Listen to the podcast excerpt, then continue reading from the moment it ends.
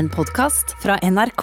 Darja Baranik er en av Norges største moteprofiler, med en stor mengde følgere på Instagram og samarbeid med motehus som Chanel og Prada, flyr hun verden rundt på eksklusive motevisninger og lanseringer. I fjor lanserte hun organisasjonen Sjapka, som selger strikkepakker og lurer i kasjmir til inntekt for krigsrammede ukrainere.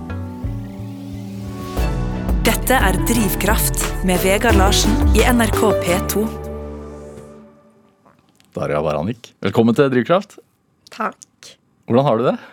Du, jeg har det veldig fint. Det er veldig hyggelig å være her. Ja. Dette er min podkastdebut, og at jeg skulle være på direkte sendt radio. Skjønner at eh, hjertepumpa pumper litt ekstra, Ja. men det er veldig hyggelig å være her. Veldig hyggelig å ha deg her. Ingenting å være redd for. Men er det, eh, altså Nå sa jeg Darja, men er det Dasha, eller hva er det egentlig? Det er samme navn. Så når jeg introduserer meg selv i um, Russland, Ja. eh, hvor jeg er født, så er Darja der Dasha er det samme navnet. Litt, det er enklere hvis jeg kommer med et eksempel. Min lillebror heter Alexander. Sasha. Lillesøsteren min er Katarina. Katja. Så det er samme navn. Så det Er det kallenavn, eller er det bare Ja, jeg vil si det. Eh, Det ville aldri stått Dasha i passet mitt. Nei. Det er Darja som er kanskje det mer offisielle navnet. Og så um, er kanskje litt mer kosenavn. Ja. Mm, altså, det som er veldig interessant med russiske navn, er at de kan bøyes alt etter eh, hva slags sinnsstemning man er i. Så det er sånn Dasjulka, Dasjenka, Dashka hvis du er liksom litt strengere. Så man kan bøye det på ulike måter. De tre du kom med nå, hva, hvilke sinnsstemninger representerer de? Dasjulka er veldig sånn koselig. Dasjenka er også koselig. Og så er det mer sånn dashka, som er litt sånn rampete versjon av det. Ja. Så alle, du kan få alle i løpet av en kveld hvis, hvis du er sammen med familie, liksom. Ja, ja, faktisk. Um, hvem, hva, hva kaller vennene dine da? De sier dasha. De aller fleste. Ja. Ja. Så de er eh, Eller det spør, kommer litt an på hvilken Jeg har jo mange venner og ulike gjenger, men barndomsvenninnene mine sier dasha. Jeg um, har brukt det stort sett opp gjennom barndommen, og så gikk det litt over til Darja i en litt mer sånn profesjonell setting, kanskje. Ja. Uh, og noen ganger så glemmer jeg meg selv litt bort, og så bruker jeg begge deler i det jeg introduserer meg til to mennesker ved siden av hverandre, som jeg skjønner er ganske forvirrende. ja. Mm. Er det, Hva skal jeg bruke, da? Det kan du velge. Ok, takk. Ja. Um, forrige uke så var du på motuke, motuke i København. Mhm. Det var en uke siden, var er det ikke? En eller to? ja. Det er helt riktig. Jeg kom Ja. hjem forrige fredag. Ja, Ja. eller fre ja. mm. Og så er det Oslo Runway nå, eh, altså som motuka i Oslo og i Norge. For de uinnvidde, meg selv inkludert, holdt jeg på å si, hva, hva er dette her for noe? Nei, moteukene er jo noe som skjer eh, flere ganger i året. Um, jeg er med på de som skjer to ganger i året, så det er en um, som skjer i februar-mars. Og så er det en annen som er august-september over i oktober. Um, så da ser man nye kleskolleksjoner. Som nå har vi sett på det som kommer for spring summer 24. Altså vår sommer 24. Så ja, da er man med på motukene, drar og ser på ulike kolleksjoner, ulike merker, ser hva som beveger seg, hva vi kan forvente å se neste år.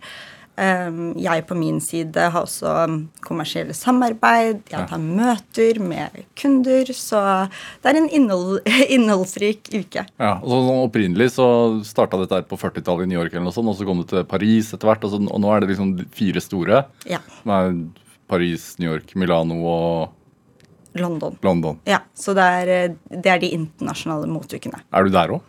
Ja, Ja. Det er jeg. Så nå blir det mest sannsynlig London, og så Milano, og så Paris. Så jeg velger meg jo litt ut hva jeg skal gjøre. Så eh, savner New York. Har ikke vært der på noen sesonger.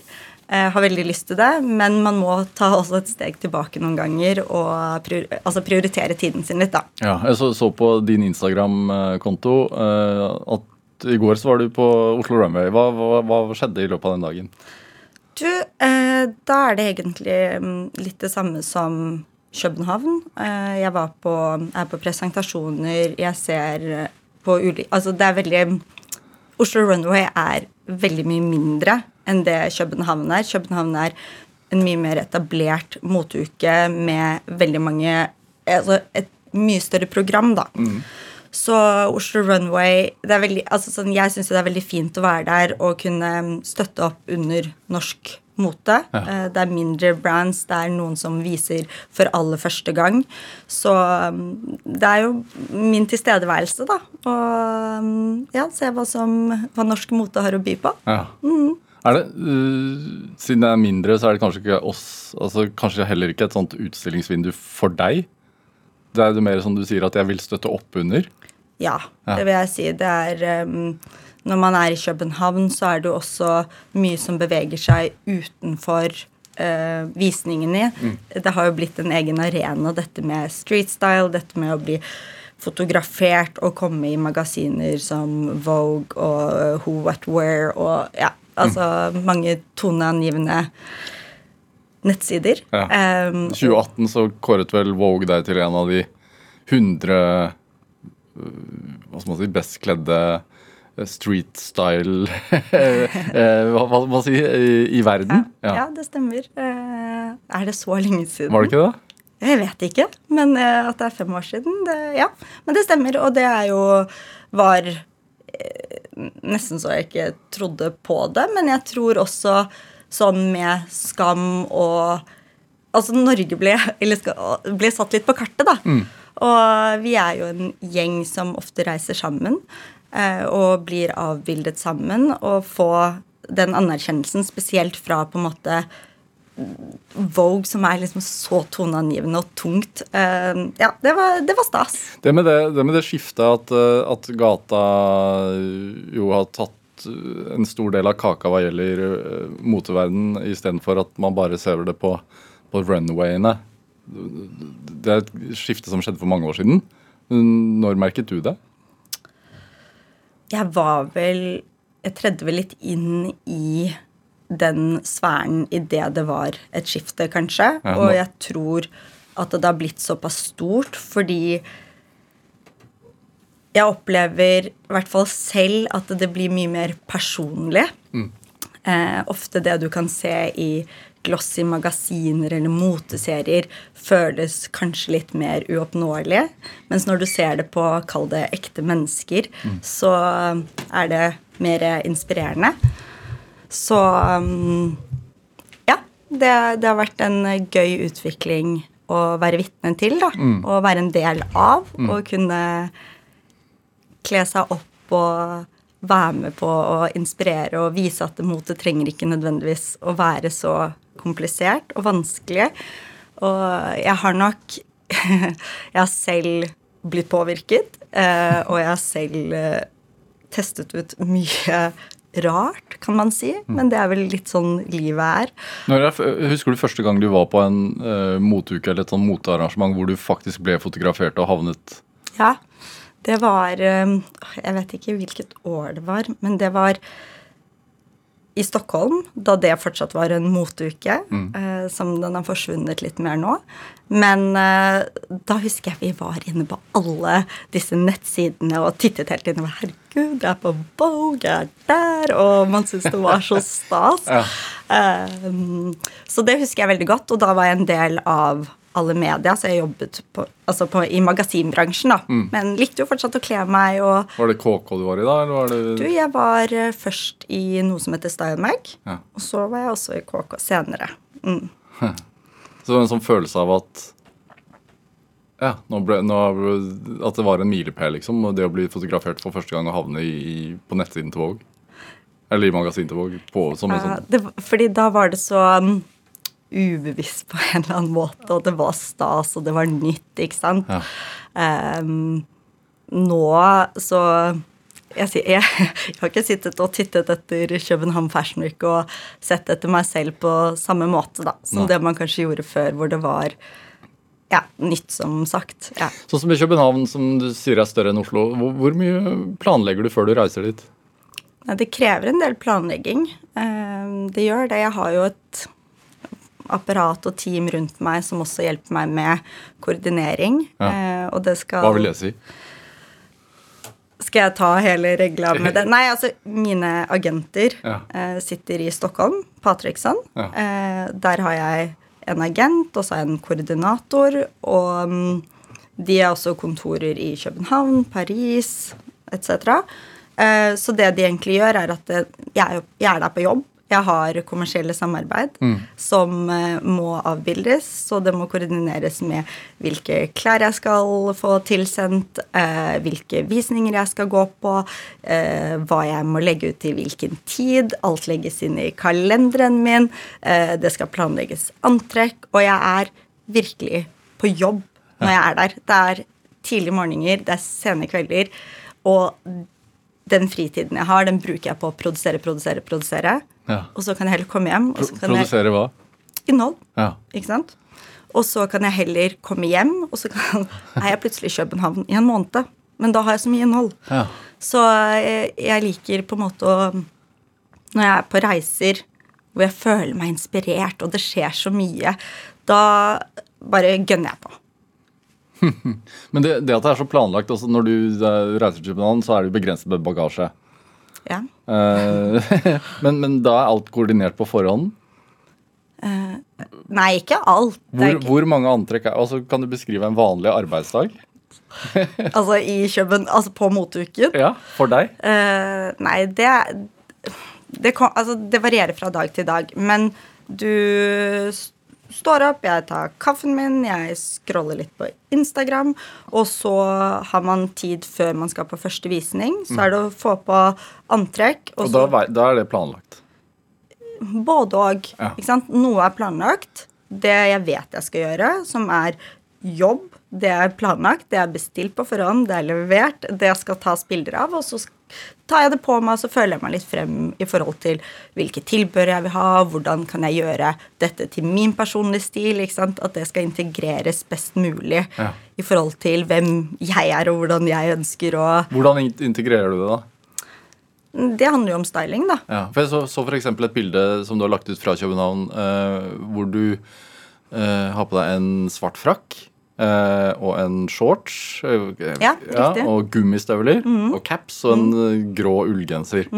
14 000 likes eller et eller annet sånt har det fått til nå, da. Ja. Ehm, var det en god dag på jobben? Ja, det var det. Og, og det antrekket, det var ikke planlagt. Det var ikke planlagt. Det var ikke planlagt. Så da var det regn, og så var jeg litt sånn Ok, nå må jeg bare finne ut eh, Det er praktisk med gummistøvler. Chanel- Chanel-gummisøvler, da. Ja. det trenger vi ikke prate om.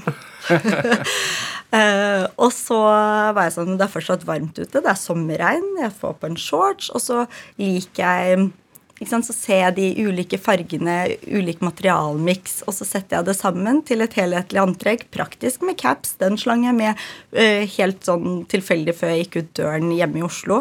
Um, og så ble det et eh, antrekk som ja, kall det gikk litt viralt, da. Ja. Uh, og fikk på meg liksom shorts Den shortsen hadde jeg designet for Big Book i en kolleksjon jeg gjorde for de i fjor. Og, ja, så det var, det var bare gøy. Ja. Hvorfor tror du det traff? Nei, det er det, det spørsmålet stiller jeg meg selv ofte, fordi det er eh, interessant å se hva som treffer og ikke treffer. Men jeg tror det er litt mer nedtonet. Ja. ikke sant? Det er gummistøvler, det er noe folk kan relatere seg til. Det er praktisk. Blanding mellom Big Book og Chanel? Ja, det tror jeg ikke nødvendigvis folk helt vet. Fordi det er ikke sånn at jeg hadde tagget det, men eh, jeg tror bare at eh, folk kan relatere seg til det. Eh, og idet det blir noe mine følgere føler at de kan gå i selv, så blir det, skaper det kanskje mer engasjement, da. Mm. Hvordan ser hotellrommet ditt ut? Hvor mye klær er det der?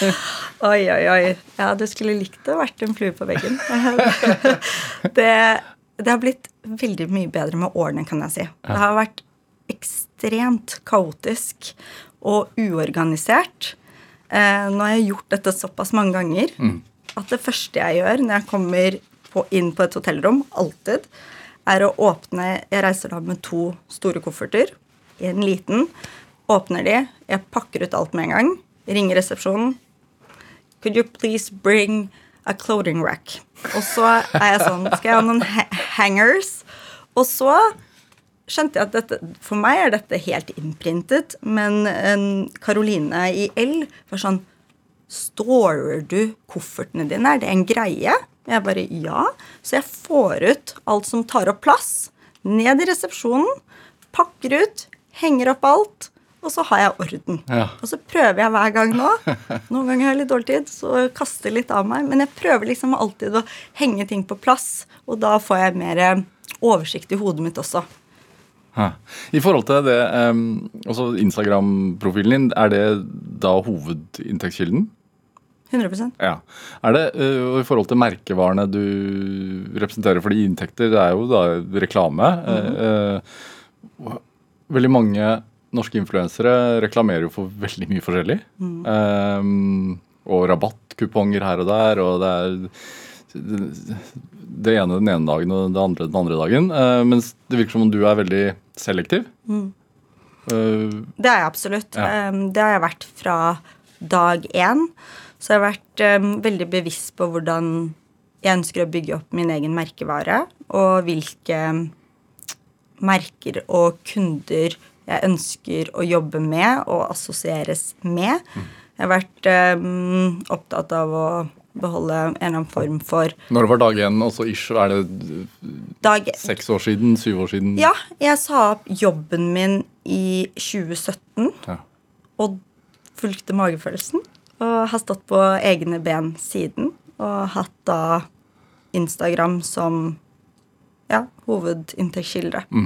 Hvordan velger du samarbeidspartnere? da? Nei, som sagt så er det jo integritet, aut, autent...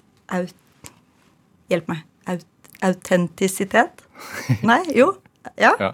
Eh, og det skal føles organisk. Det skal føles som et naturlig valg for meg. Det skal stå i stil med min personlige stil.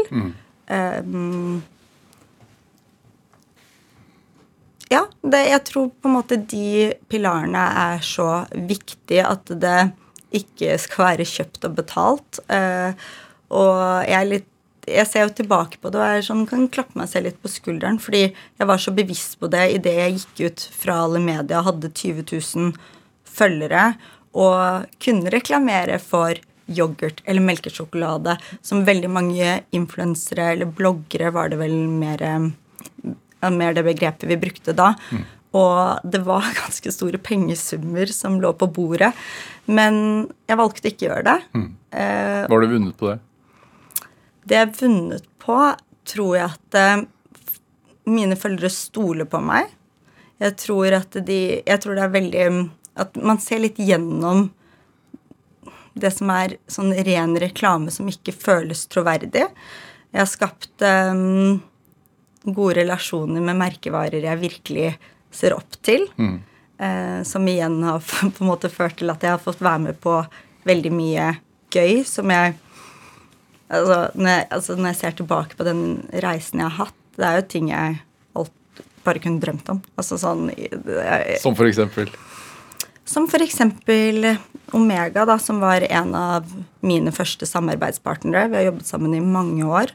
Og at jeg får være med de til Kina, eh, får være med de til Paris, eh, til Alpene, George Clooney, Nicole Kidman Altså, ja, men det er? Jeg er rundt sånne mennesker, eh, og da Ja, og bare få være med på det, få være rundt mennesker jeg ser opp til, da. Ikke sant? Det gir jo et helt spesielt innblikk i en sånn bransje som ikke så veldig mange kanskje får ta del i. Og um, gir jo meg også igjen masse påfyll og inspirasjon til å fortsette å gjøre det jeg gjør. Så uh, ja, jeg, jeg har fått uh, Jeg får være med på mye kult. Det, det, når starta den drømmen, tror du? Ja Jeg tror jeg alltid har vært glad i å kle meg. Eh, og jeg og søsteren min hadde mye shows for mamma og pappa, om det var sang eller at vi eh, hadde på oss kostymer. Men jeg har alltid, eh, jeg har vært, alltid vært opptatt av klær, og at det er en form å uttrykke seg selv på. Um, men, he ja, så, men helt sånn hvordan Jeg snublet litt tilfeldig inn i denne bransjen. Så det var ikke noe som var sånn Hva var alternativet? Sånn helt i starten, da jeg mm, begynte å studere på Blindern, så var tanken at eh, nå står jeg på en måte med en fot i på en måte den russiske, ukrainske kulturen, og jeg kan det, men så er jeg også norsk. La meg bli diplomat. Eh, så jeg begynte jo å studere noe som heter europeiske amerikanske studier på Blindern. Og så gjorde jeg det en liten stund. Eh, halvannet år eller to år og var på utveksling i St. Petersburg. Mm.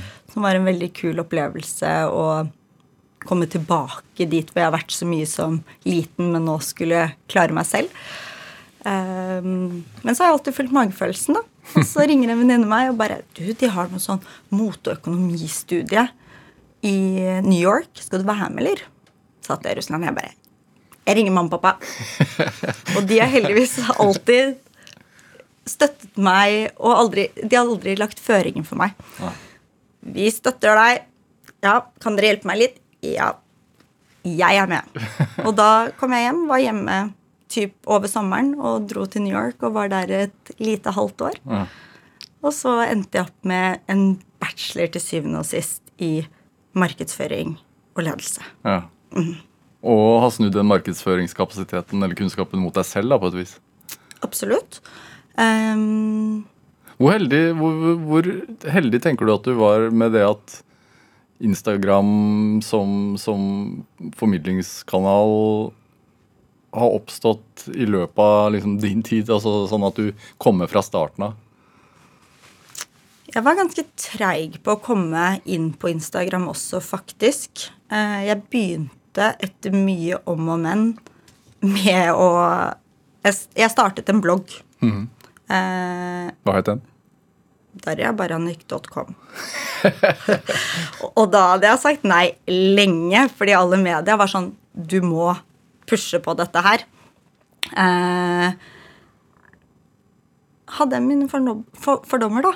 Eh, fordommer mot hva? Ja, hva skal jeg si? Litt Akkurat det vi snakker om, hvordan du bare skal kapitalisere på en merkevare, da. Ikke sant? Og det var kanskje der det tidlig kom inn at eh, ok, men da ønsker jeg å gjøre noe annerledes. Mm. Jeg ønsker å stå for det jeg reklamerer for. Ikke det at man ikke gjør det hvis man reklamerer for en yoghurt, men det skal være en naturlig del av min interesse. Og det føler jeg har fått til, og jeg kunne nok kapitalisert ekstremt mye mer mm. hvis jeg ønsket det. Men jeg har um, vært bevisst der. Ja. Hvor, hardt, hvor, hardt, arbeid er det? Både og. Eh, det er veldig hardt arbeid i forhold til det å være bevisst på hvordan du skal bygge merkevare. Men så er det jo også Hva skal jeg si period, Altså periodevis. Ikke sant? Når jeg er ute og reiser, eh, enten om det er Fashion Weeks eller er booket jobb, så er du på 110 hele døgnet. Mm. Um, på den andre siden så kan jeg komme hjem, og så er jeg litt roligere perioder hvor det er mer administrativt og møter med kunder. Så det er veldig variert. Um, men det er veldig mye mer hardt arbeid bak det enn det det ser ut som. Fordi på Instagram Det jeg presenterer, er jo en sånn glossy, veldig kuratert verden. Mm. Men bak det så ligger det jo Er det jo altså, mange mennesker som er involvert, og mye jobb, da. Hvordan vil du beskrive den verden du fremstiller, da? Hvilken drøm er det vi kjøper, holdt jeg på å si? Nei, det er jo Det er altså det er jo mote. Det skal inspirere Jeg vil at du skal gå inn på min Instagram og være sånn Ok, jeg skal til en storby, eller jeg skal på fest, eller jeg skal på ferie.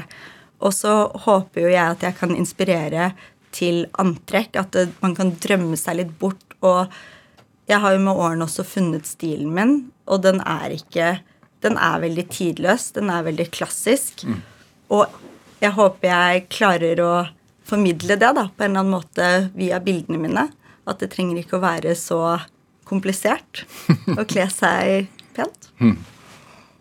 Er det vanskelig å kle deg privat? Nei. Det syns jeg ikke. Nei. Nei, nei for, fordi at eh, det er ikke nødvendigvis sånn at eh, jeg bare presenterer høye hæler og alt skal være så fint og flott. Det er jo lave sko og Converse eller sneakers og Så det er bare en sånn naturlig del av meg, egentlig. Og jeg har ikke noe problem med å gå ut i mm, altså joggedress eller usminket eller Nei, så det, det syns jeg absolutt ikke. Er, eh, jeg tror jeg er som alle andre. At eh, noen dager er bedre enn andre. Hvor, hvor eh, lang tid i, i så hvor lang tid planlegger du? Sånn som nå sånn, Når det er motuker, så viser man eh, vår- og, og, og sommersesong.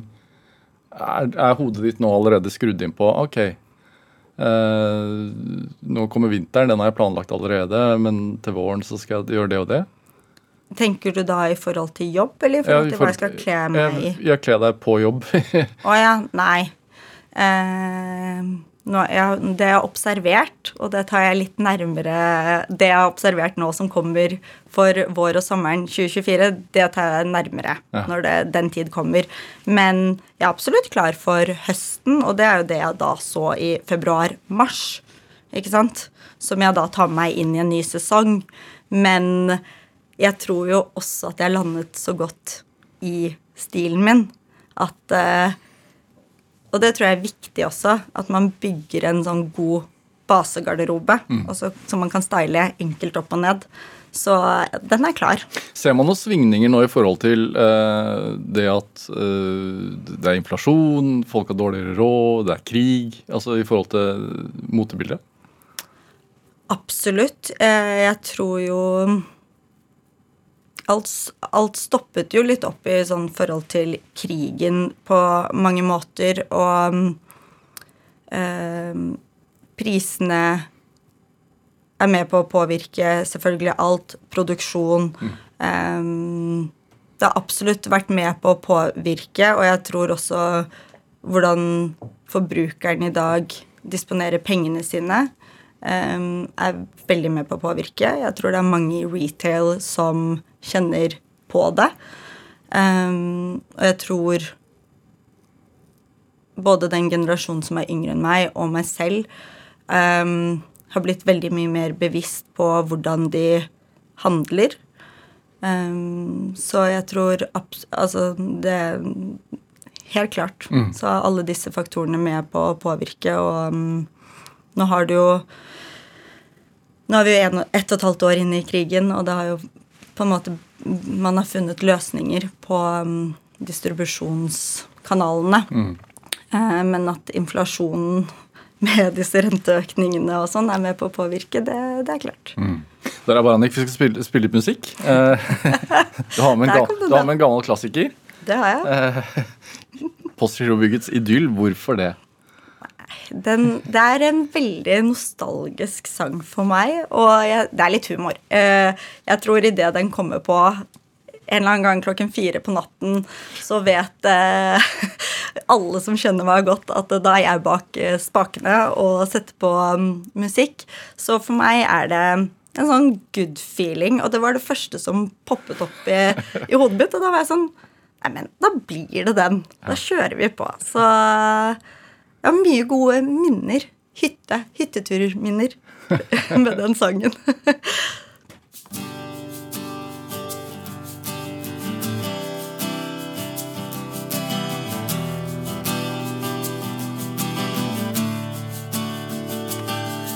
Det var solnedgang. Det var latter, det var sang. Det var sommerfri. Det var sjø og magi. Og det var meg. Det var min som aldri vil dø. Det var evighet. Og en sol som farga himmelen rød. Det var øl, berusende ord. Det var sommer, det var sol. Det var hjerter i brann, blikkstille vann. Alt på denne jord. Og det var kjærlighet.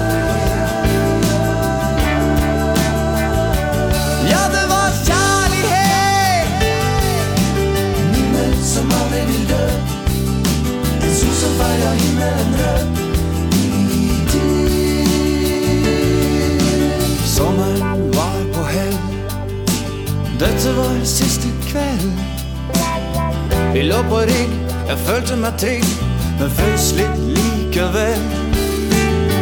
Vi lå og så på stjernene og hørte på sangen fra ternene.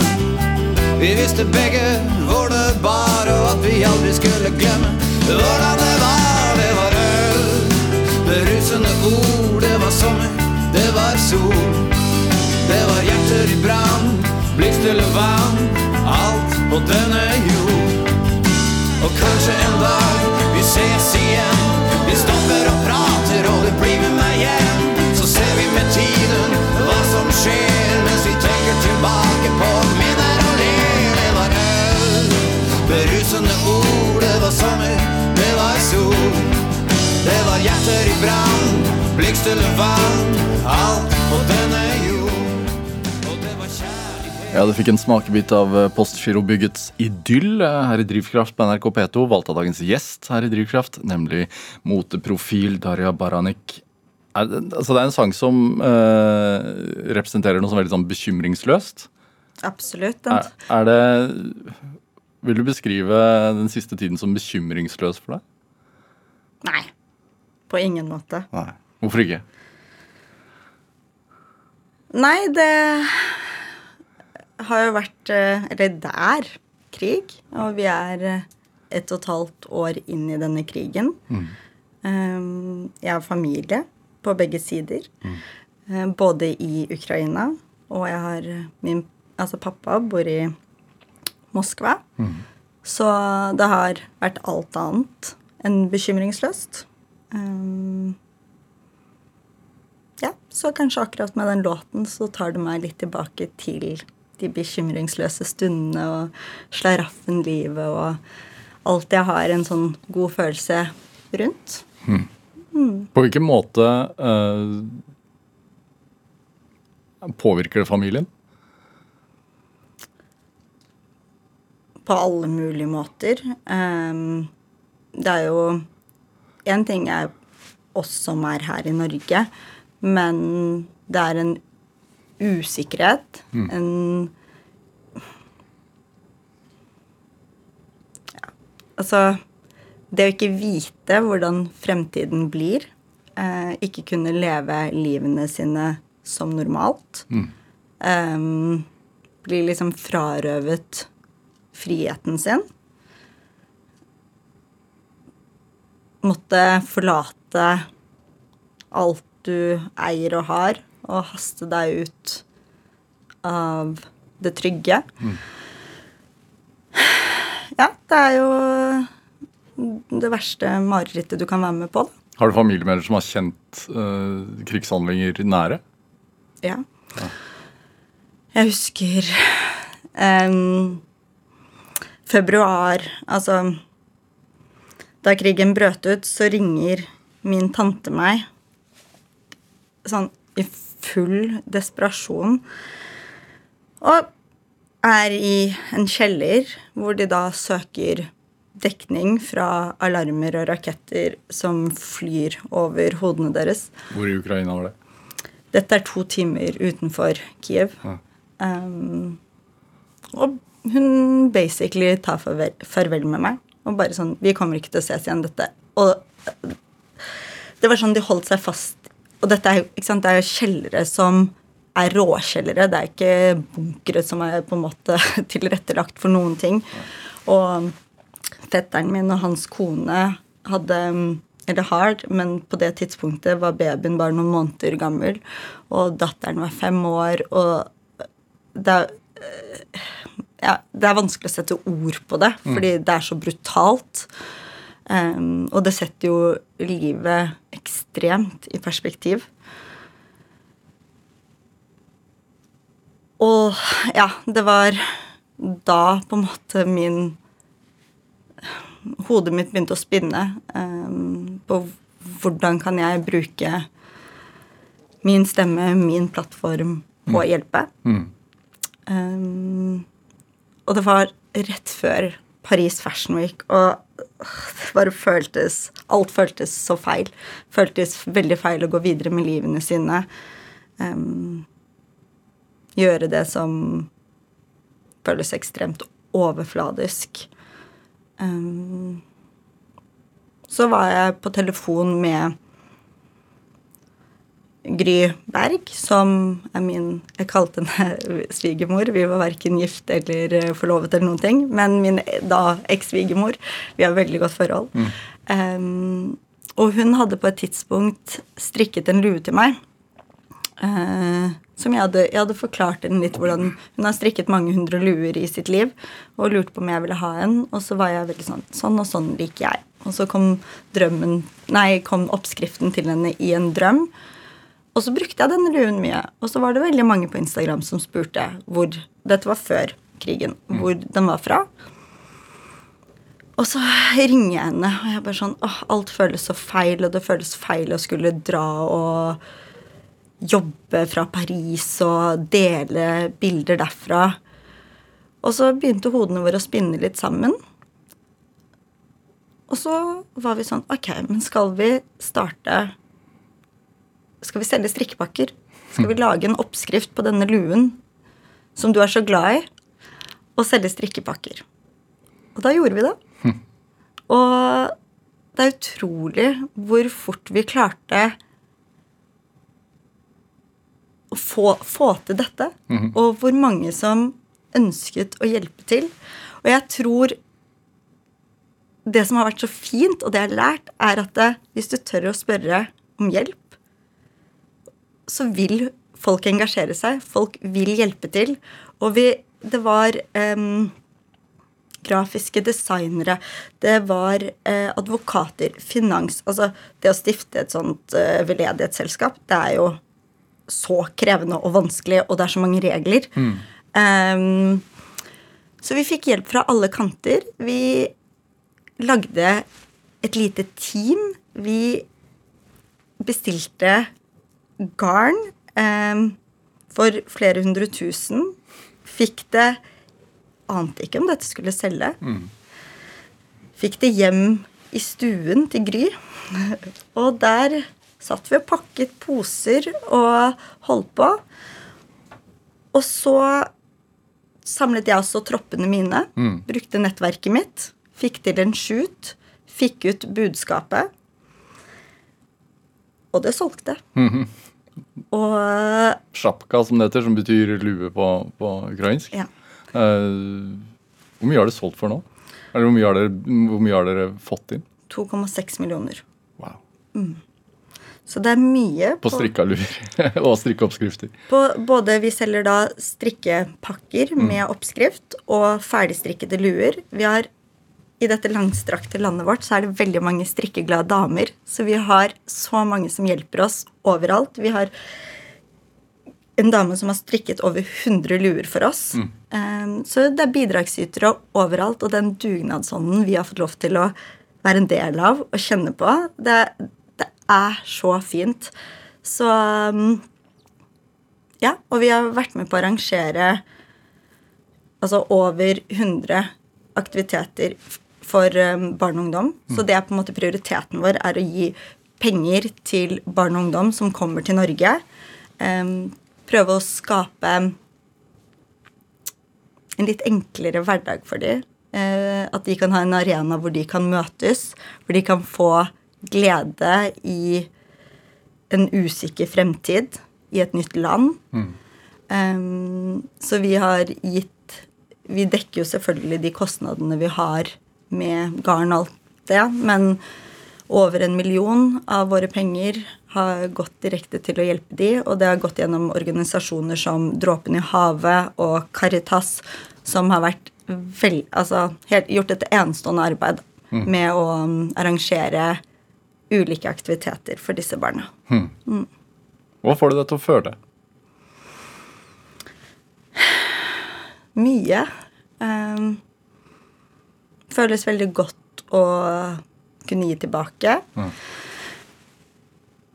Få meg til å føle um, på et fellesskap. Um, det er mange Det er veldig mange følelser i spill, fordi det blir også så nært. Mm. Um, men å kjenne på Det er på en måte den dugnadsånden som går igjen, og hvordan mennesker rundt deg stiller opp og har lyst til å være med og bidra og gjøre noe større. Eh, og det har virkelig sånn inspirert meg til å kunne Eller til å tenke annerledes. Hvordan da? Hvordan jeg kan bruke stemmen min enda mer. Og hvordan jeg kan være med på å bidra til enda mer veldedighetsarbeid. Ja. Um, Har du vært redd for det tidligere? Ja, det tror jeg. Eh, jeg tror at uh, idet du blir mer personlig, så kan ofte det komme mye meninger om deg. Og jeg har gått litt sånn under radaren der. Jeg er jo out there, men på en måte ikke. Jeg holder veldig Verner litt om hvem jeg er, og hjertet mitt. Um, men det er noe jeg absolutt skal fortsette med, og vi i Sjapka skal fortsette med dette. Vi står fortsatt på. Vi har solgt luer for over 200 000 i sommer. Fått hjelp til å Og det er før høsten, si. Det er før høsten, ikke sant? Så vi sitter med et varelager som vi skal ha ut. Men vi har, da har vi hatt fokus sant, på sommermodeller og gjort Ja. sånne ting. Så vi prøver å tilpasse oss hele veien. Um, og vi har, vi har flere liksom, litt større, hårete mål som vi ønsker å nå i fremtiden. Er det i forhold til identitet altså, så, Som du sa, altså, du er født i St. Petersburg. Eh, faren din er russisk, moren din er fra Ukraina. Eh, hva, hva har krigen og hendelsene gjort med identiteten din? Nei, det Det er et godt spørsmål. Um, jeg har nok vært veldig um, sånn tydelig på at jeg har vært russisk før, fordi jeg er jo født i Russland. Begge mine foreldre snakker russisk. Mamma har bodd i Russland stort sett hele livet. Eh, flyttet da hun var veldig ung. Mens idet krigen brøt ut, så var det som jeg på en måte oppsøkte den historiebiten, den ukrainske delen, mye mer, da. Eh, hvor folk var sånn Nei, men er du ukrainsk? Er ikke du russisk? Eh, så det ble viktigere for meg å um, ja, ta, ja, bare gå litt sånn tilbake i tid og eie på en måte den delen av meg mye mer som jeg kanskje ikke hadde gjort tidligere på samme måte, fordi vi har alltid Søsteren min og jeg har alltid vært på hytta Begge foreldrene til mamma er døde, og de døde da jeg var ganske ung. Så jeg har vokst opp på hytta til bestemor og bestefar hver sommer og hatt to måneder der, så jeg har Altså i Russland. i Russland, ja. Så min på en måte identitet har ligget mye nærmere Russland. Så den ble absolutt veldig forandret da krigen brøt ut, og det var viktig for meg da å um, være en del av Ukraina og bruke min stemme den veien, da.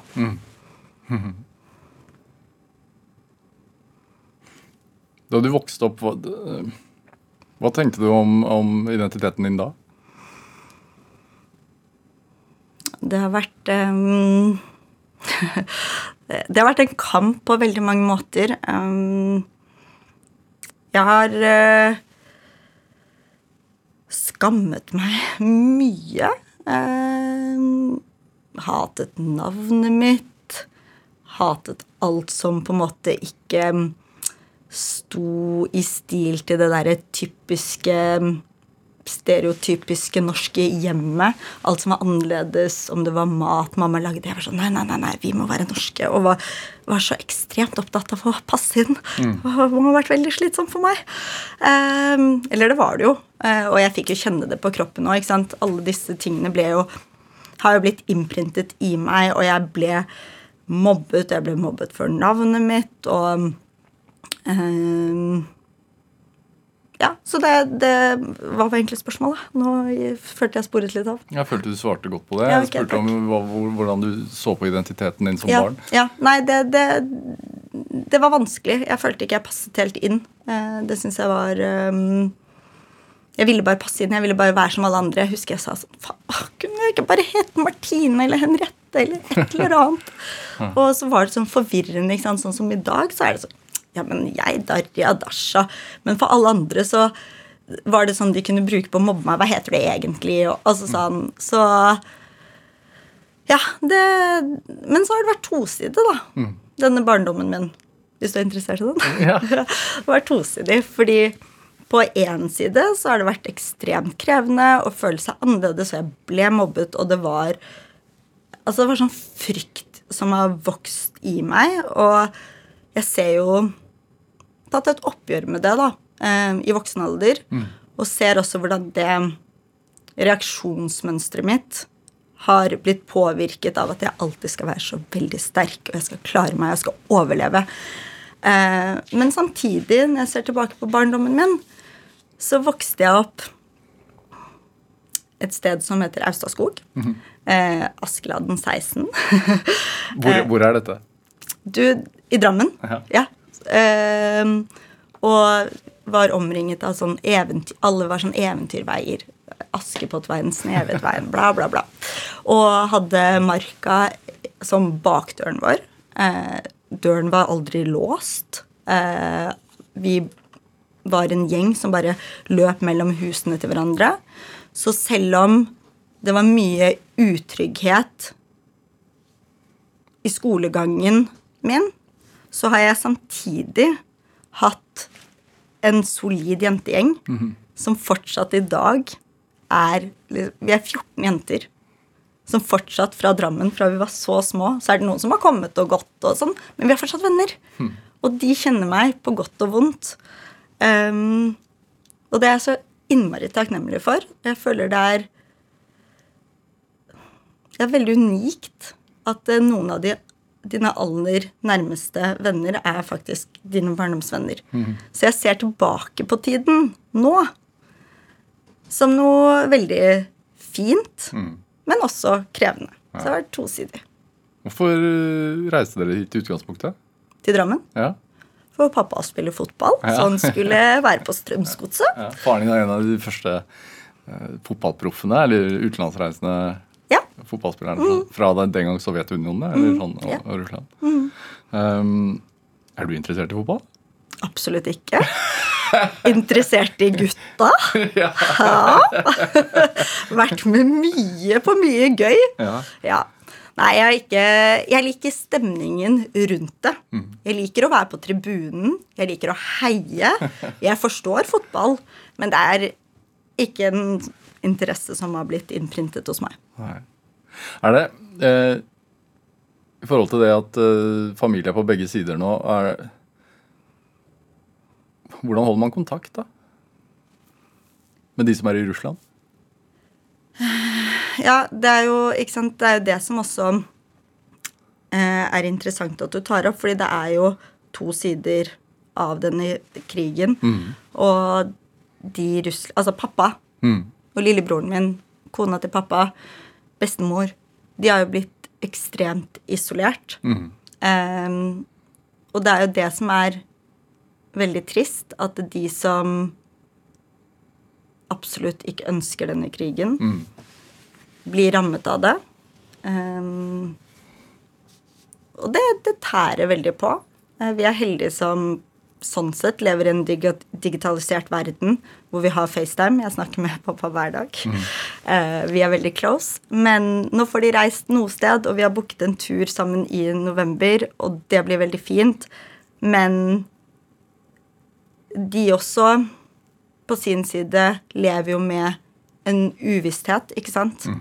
Um, og de bor bare fem kilometer fra Kreml.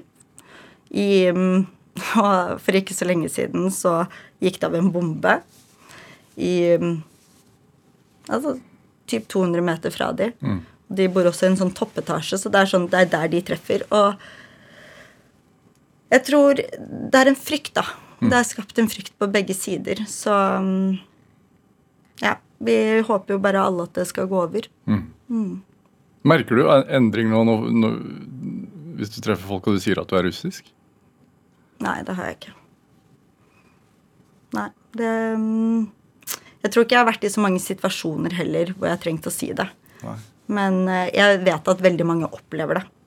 Veldig mange russere syns det er vanskelig å skulle si at de er russiske. Og mm, det at det hat avler hat, og hvordan to nasjoner som egentlig er Jeg føler at alle i Russland og Ukraina de har familie sånn på kryss og tvers. Og at det nå har skapt så stor distanse og så mye hat mellom de to nasjonene, er bare utrolig trist å være vitne til. Mm. Og det er jo blitt et splittet Russland også, ikke sant?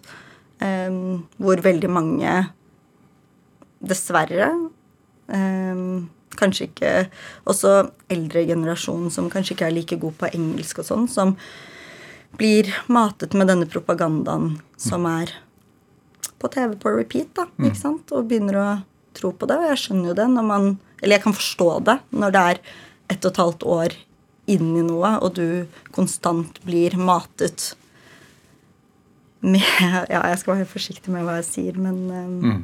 Kan du reise dit, da?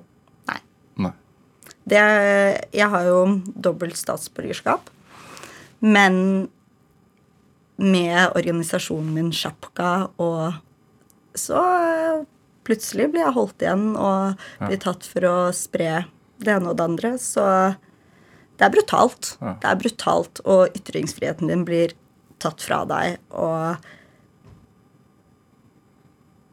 Ja. Det er som om vi bare går tilbake i tid. Ja. Det er modig, da. Det står veldig respekt av det. Takk. Føler du at du har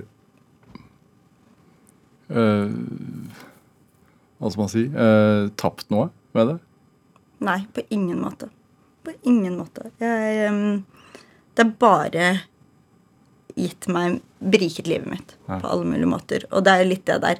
Noen ganger så må man tørre. Ikke sant? Mm.